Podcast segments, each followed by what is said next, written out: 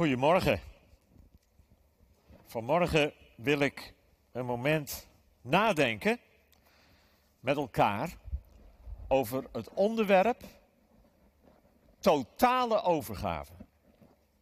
Dit is een zendingsdienst. God heeft zijn zoon niet gespaard, maar voor ons allen overgegeven. En dan is onze reactie, dat heeft alles met dit onderwerp te maken. Corrie ten Boom, die heeft de Tweede Wereldoorlog overleefd als door een wonder. Ze heeft in het vernietigingskamp van Ravensbrück gezeten, waar haar zus is overleden. Maar zij heeft de oorlog overleefd en ze heeft na de oorlog in de hele wereld heeft ze rondgereisd om de mensen te vertellen van de liefde van God die ze zelfs heeft ervaren in de hel van Ravensbrück. En toen was ze op een gegeven moment in Amerika, waar ze een tijdje was voor spreekbeurten. En daar woonde ze in een huis naast een jonge buurvrouw. En die jonge buurvrouw die had geen idee wie die oude dame was die een tijdje naast haar woonde. Totdat iemand haar het boek gaf over het leven van Corrie ten Boom. Dat boek heet De Schuilplaats. Ze las dat boek en ze was diep onder de indruk dat dat het verhaal was van die oudere dame naast haar. En op een dag heeft Corrie ten Boom de jonge buurvrouw uitgenodigd om een keer een kopje thee te komen drinken. Dus de jonge buurvrouw komt, een beetje zenuwachtig, bij Corrie ten Boom op bezoek. En Corrie die ziet dat ze een beetje zenuwachtig is, dus die neemt hem mee de tuin in en die laat de plantjes zien en de bloemetjes en die vertelt er van alles over. En dan zitten ze samen aan de thee. En toen zegt de jonge buurvrouw, mevrouw ten Boom, ik uh, heb uw boek gelezen. Wat een verhaal. Als ik dat allemaal zo lees, dan vraag ik me af, mevrouw ten Boom, wat is uw geheim? Oh, zegt Corrie, mijn geheim? Oh, ze zegt, het, het is alweer jaren geleden dat ik tegen de Heere God gezegd heb, uh, Heere God, van top tot teen ben ik van u. Nou, dat zegt het eigenlijk allemaal totale overgave. Een jaar geleden is mijn lieve vrouw, die ik 42 jaar gekend heb, overleden. En op zondagmiddag 12 mei, twee dagen voordat ze zou sterven, toen hebben we samen gebeden. En toen vroeg ik haar, ik zeg Annie, bid jij ook nog maar? En toen bad ze één zin. En ze zei, Heer, ik leg mijn leven in uw handen. Amen. Dat was voor mij op dat moment heel confronterend, maar het was ook heel mooi. Achteraf besefte ik, het lijkt wel op het gebed van Jezus aan het kruis, waar hij zegt, Vader, in uw handen beveel ik mijn geest. Het is het gebed van de ultieme overgave van iemand die weet, ik ga spoedig sterven. Zendingswerk heeft daar alles mee te maken. Dat wij op dat punt komen waarin we kunnen zeggen, Heere God, ik leg heel mijn leven in uw handen. En dat wil niet zeggen dat je dan uh, naar Indonesië gaat of moet gaan of naar Afrika. Nee, het kan ook zijn dat je gewoon hier in de Bethelkerk blijft. Maar jij, jij weet, alles wat er op en aan je zit, dat is niet van jezelf. Dat is van de Heere God. En dat je met je tijd, met je geld, met je gebeden, dat je maar op één ding uit bent. En dat is dat je wil leven, vruchtbaar wil leven voor de Heere God. Het is dit jaar, 75 jaar geleden, dat in China Erik Liddell overleed. Erik Liddell was uh, zoon van zendelingen in China. En uh, hij is beroemd geworden en bekend geworden door de film Chariots of Fire. Het is nu alweer een jaar of 25 geleden.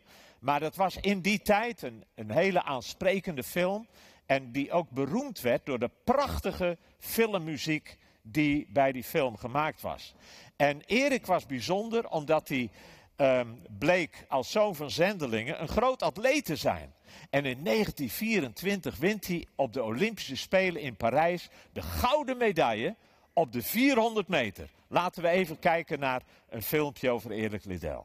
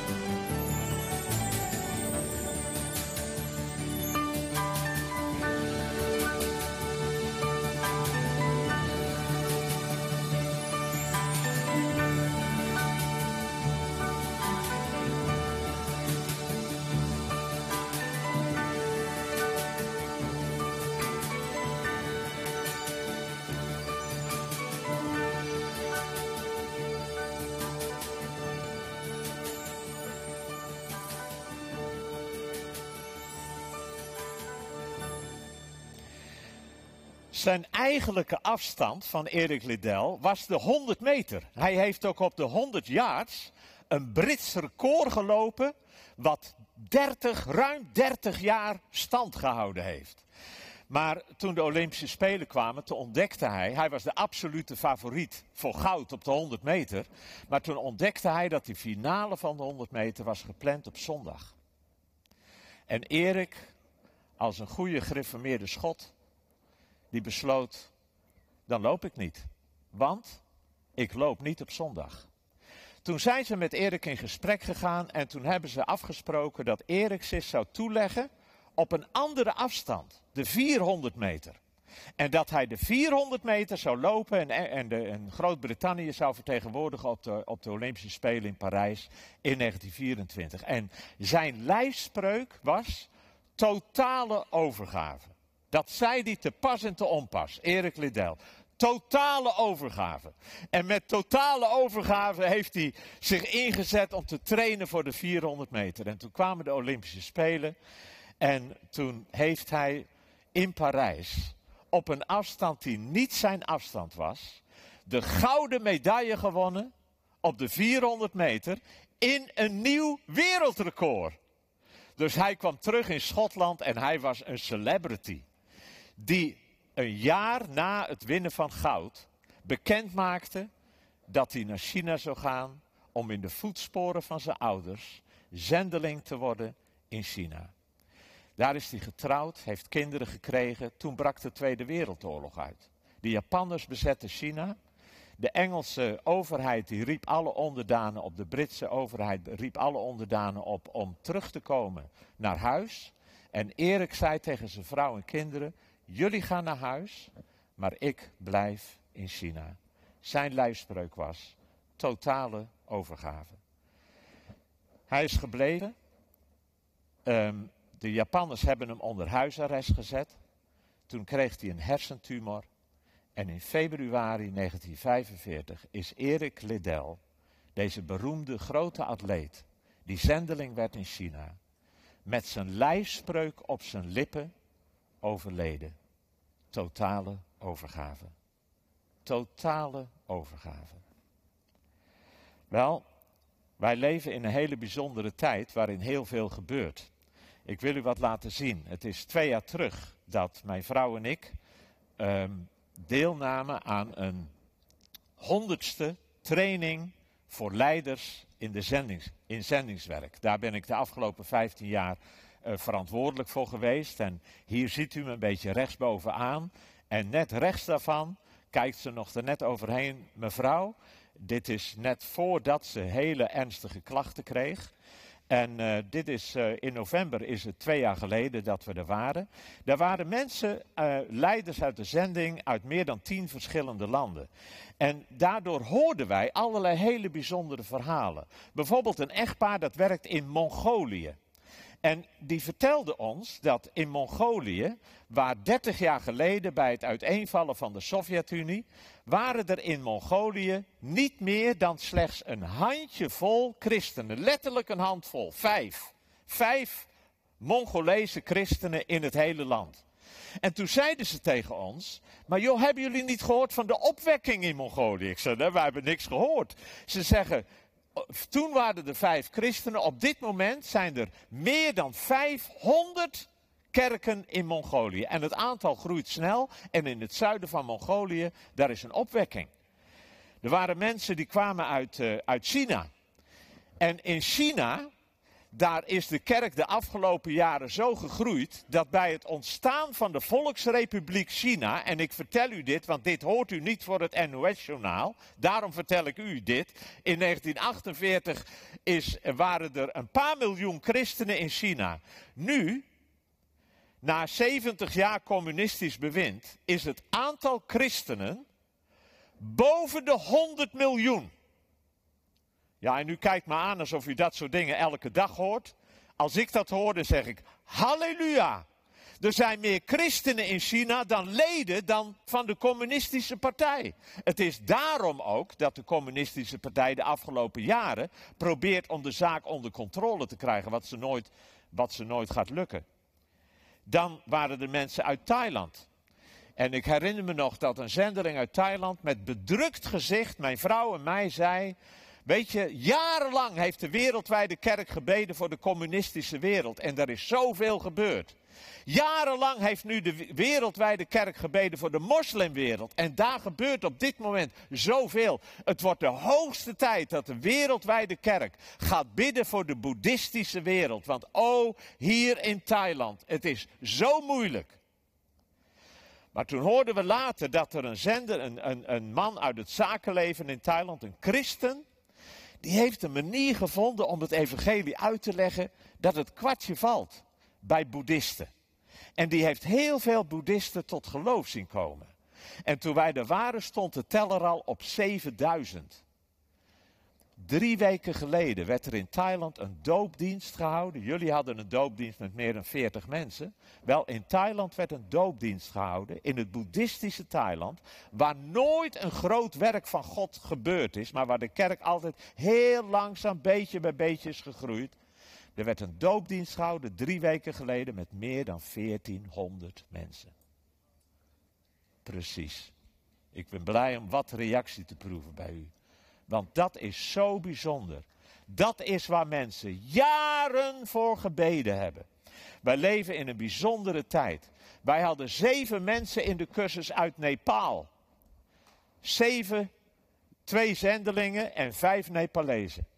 In 1952, Nepal ligt net tussen India en China in, de Himalaya-gebergte. In 1952 werd in dat land de allereerste kerk ooit gebouwd. 1952, het jaar dat ik geboren ben. Nou zit u allemaal te rekenen hoe oud is die man, maar doe dat maar niet. Het is 68 jaar geleden. De eerste kerk. Nu zijn er 1 miljoen volgelingen van Jezus in Nepal. Is dat niet geweldig? Jezus zegt op de vraag: Jezus, wanneer gaat u terugkomen in Matthäus 24? Jezus zegt: dit evangelie van het koninkrijk zal gepredikt worden aan alle volkeren. En dan zal het einde komen. Wij leven in een heel bijzondere tijd. Ik lees met je uit Romeinen 11, vers 33 tot en met hoofdstuk 12, vers 1.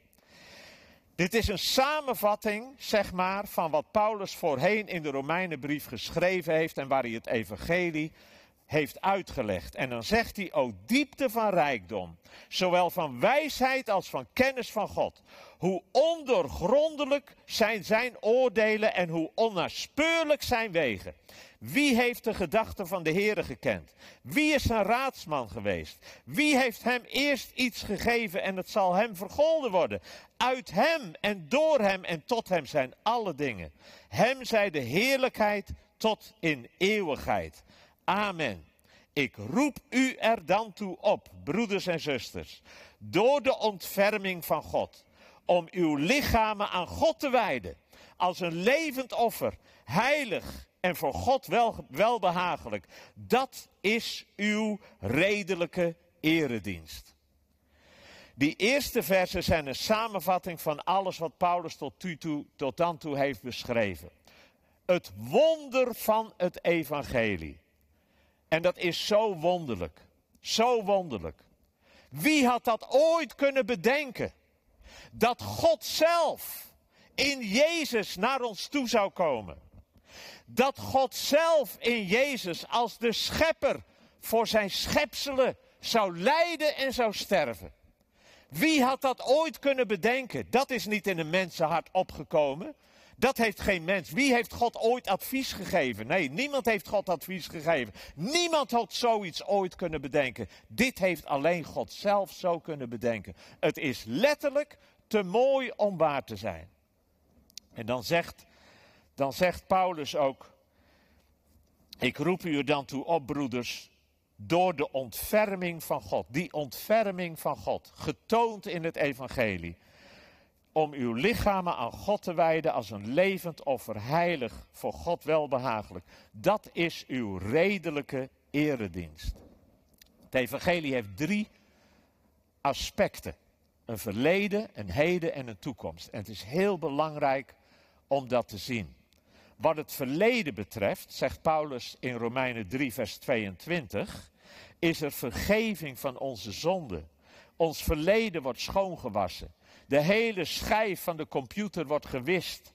God schenkt vrijspraak, halleluja, aan alle die in Jezus Christus geloven. Iedereen heeft gezondigd, maar iedereen wordt uit genade als een rechtvaardige aangenomen. Door het geloof in Jezus Christus. Dat is het verleden. Het wordt gereinigd op het moment dat je Jezus omarmt wordt alles van vroeger waar je je voor schaamt, waar je spijt van hebt, wat je fout gedaan hebt, dat wordt vergeven. Maar er is ook een heden. In Romeinen 8, vers 2 zegt Paulus, want de wet van de geest van het leven in Christus Jezus heeft mij vrijgemaakt van de wet van de zonde en de dood. Het is één ding om vergeven te worden van alles wat achter je ligt. Maar dan komt God naar jou toe, want Hij wil jou en mij veranderen. Hij wil niet dat wij fabrieken blijven die maar rotzooi blijven produceren. Hij wil ons vernieuwen. Dat is de heiliging, dat is het werk van de Heilige Geest in ons hart. En dat is wat hier staat. Maar dan is er nog wat. Er is een toekomst. Er is iets in het evangelie dat moet nog gaan gebeuren. En daar ben ik sinds het overlijden van mijn vrouw meer dan ooit door gegrepen. Door geboeid. Daar heb ik over gelezen, daar heb ik over nagedacht, daar heb ik de Bijbel over bestudeerd, daar heb ik boeken over gelezen. En dat vind je in Romeinen 8, vers 21. De bevrijding van de hele schepping.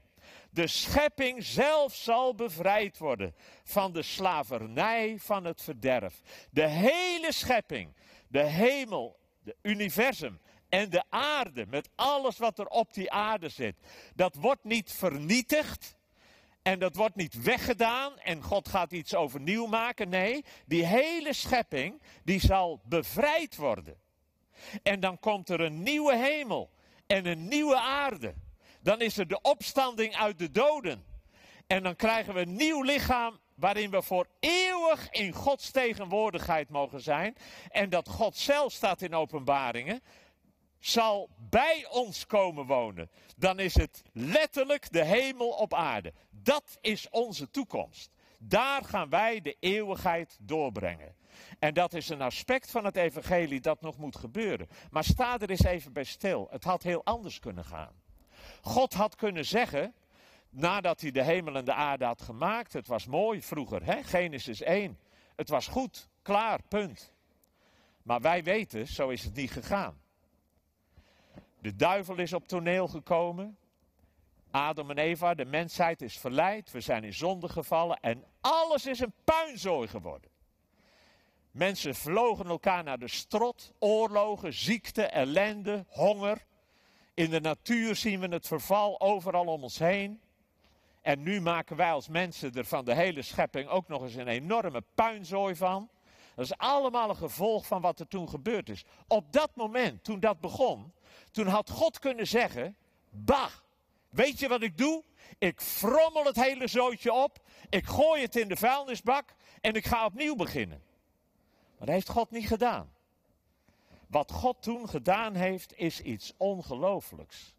God heeft besloten om in Jezus naar ons toe te komen, om de straf die ons de vrede brengt zelf te dragen en om ons vervolg de handen te geven en te zeggen: Kom tot mij, ik ga je vergeven en ik ga je heel nieuw maken. En dan, uiteindelijk, zal God de hele schepping bevrijden. En wat er dan uiteindelijk zal zijn, is een vernieuwde hemel, een vernieuwde aarde. Met mensen die er allemaal voor gekozen hebben, in reactie op zijn liefde voor ons, om hem lief te hebben dan is het eindresultaat nog mooier als aan het begin. Want het was verloren, maar het is weer behouden. En al die mensen die daar zullen zijn, hebben er zelf voor gekozen. Liefde is het fundament. Het is nog mooier dan het ooit geweest is. In Romeinen 12, vers 1. Daar staat ik roep u er dan toe op, broeders en zusters, door die ontferming van God, door dat bewijs van liefde van God. De schepper stierf voor zijn schepselen. Om uw lichamen aan God te wijden als een levend offer, heilig en voor God welbehagelijk. Dat is uw redelijke eredienst. Het woord redelijk is in het Grieks het woord logikos. Daar hebben wij het woord logica van. Als je ziet wat God voor ons gedaan heeft, dan is het niet meer dan logisch. Dat is de intellectueel meest verantwoorde reactie die je geven kunt. Om dan tegen God te zeggen: Heere God, als u dat allemaal voor mij gedaan hebt, hier ben ik. Ik wil mijzelf aan u geven. Alles aan mij. Mijn portemonnee, mijn ambities, mijn toekomst, mijn seksleven. Ik wil alles aan u geven. Dat is wat hier staat. Totale overgave. Het was zondagmiddag 12 mei, twee dagen voor mijn vrouw stierf. We hadden samen de Bijbel gelezen. We hadden samen mooie christelijke liederen geluisterd. Maar zij was in hele slechte conditie. Die morgen had ze al gezegd: Ik kan niet meer, ik wil sterven. Toen baden we, en ik bad altijd eigenlijk alleen, want de tumor in haar mond was heel moeilijk voor haar om te praten. En op de een of andere reden zei ik die middag tegen haar: Annie, bid jij ook nog maar? En toen bad ze die ene zin: Heer, ik leg mijn leven in uw handen. En ik zeg het nu mooi, maar ze praat heel moeilijk. Dus zij zei zoiets van: Heer, ik leg mijn leven in uw handen. Dat is wat God wil dat wij allemaal zouden doen. En dat is best een ding voor jou en voor mij. Elke dag opnieuw zeggen: Heer, ik leg mijn leven in uw handen. Dat is de basis van betrokkenheid bij zendingswerk. Door te bidden, door te geven, door te gaan, door de zendeling te schrijven en hem te bemoedigen. Of om een e-mailtje te sturen en hem te bemoedigen en te zeggen van joh, ik heb vandaag voor jou gebeden, dat wil ik je even laten weten. Maar ook om te geven en te offeren, zodat alle volkeren in de wereld zullen weten dat God de Schepper ons zo ongelooflijk liefhoudt, heeft, dat Hij in Jezus voor ons heeft geleden en voor ons is gestorven. Ik stel voor dat we samen bidden. En ik wil je vragen om hardop een gebed met mij uit te spreken. Nou, voordat ik dat vraag, wil ik het je even laten zien. Dan weet je wat ik je vraag. Het gebed luidt: Heer, ik wil helemaal van u zijn. Ik dank u voor het offer dat u bracht voor al mijn zonden. U gaf uzelf voor mij aan het kruis. Wie kon het ooit bedenken? Al wat ik ben, dat leg ik in uw hand. Ik geef mezelf volledig. Wijst u mij een plekje in uw prachtige plan ik ben van u en ik vertrouw op wat u belooft. Als jij zegt, ja, dat heb ik al vaker, dat heb ik al eens vaker gebeden. Dat is geweldig. Ik denk eigenlijk dat je dit gebed elke dag zou kunnen en zou moeten bidden. Dit is wat Jezus zegt. Neem elke dag je kruis op en volg mij. Als je zegt, ik wil dat, dan wil ik je vragen om het hardop uit te spreken, samen met mij. En bid het dan met heel je hart. Zullen we dat doen? Heer, ik wil helemaal van u zijn. Ik dank u voor het offer dat u bracht voor al mijn zonden. U gaf uzelf voor mij aan het kruis. Wie kon dit ooit bedenken? Al wat ik ben, leg ik in uw hand. Ik geef mijzelf volledig. Wijst u mij mijn plekje in uw prachtige plan. Ik ben van u en ik vertrouw op wat u belooft. Amen. Amen.